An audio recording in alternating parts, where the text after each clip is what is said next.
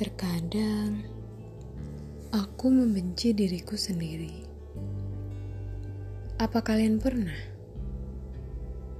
Kurasa hampir setiap manusia pernah merasakannya. Pernah berada dalam posisi membenci diri sendiri. Tapi itu bukan hal buruk.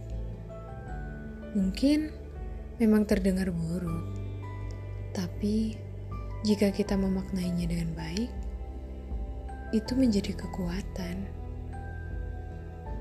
Dengan kita pernah membenci diri sendiri, kita menjadi lebih mengenal pribadi kita sendiri.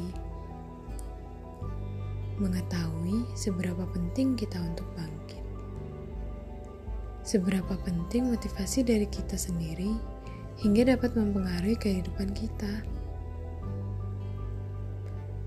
Tapi, jangan pernah salah memaknai. Memang, membenci diri sendiri itu bukan tindakan baik. Tapi jika itu terjadi, tak ada yang bisa menghalangi. Maka, maknai dengan sebaik-baiknya. Bahwa diri kita tidak selalu seperti apa yang orang katakan seperti apa yang kita takutkan, bahwa diri ini adalah milik kita, bahwa diri ini adalah tanggung jawab kita.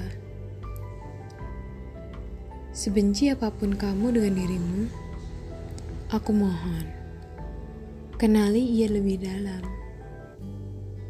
Maka kamu akan menemukan kebahagiaan dari mencintai diri sendiri.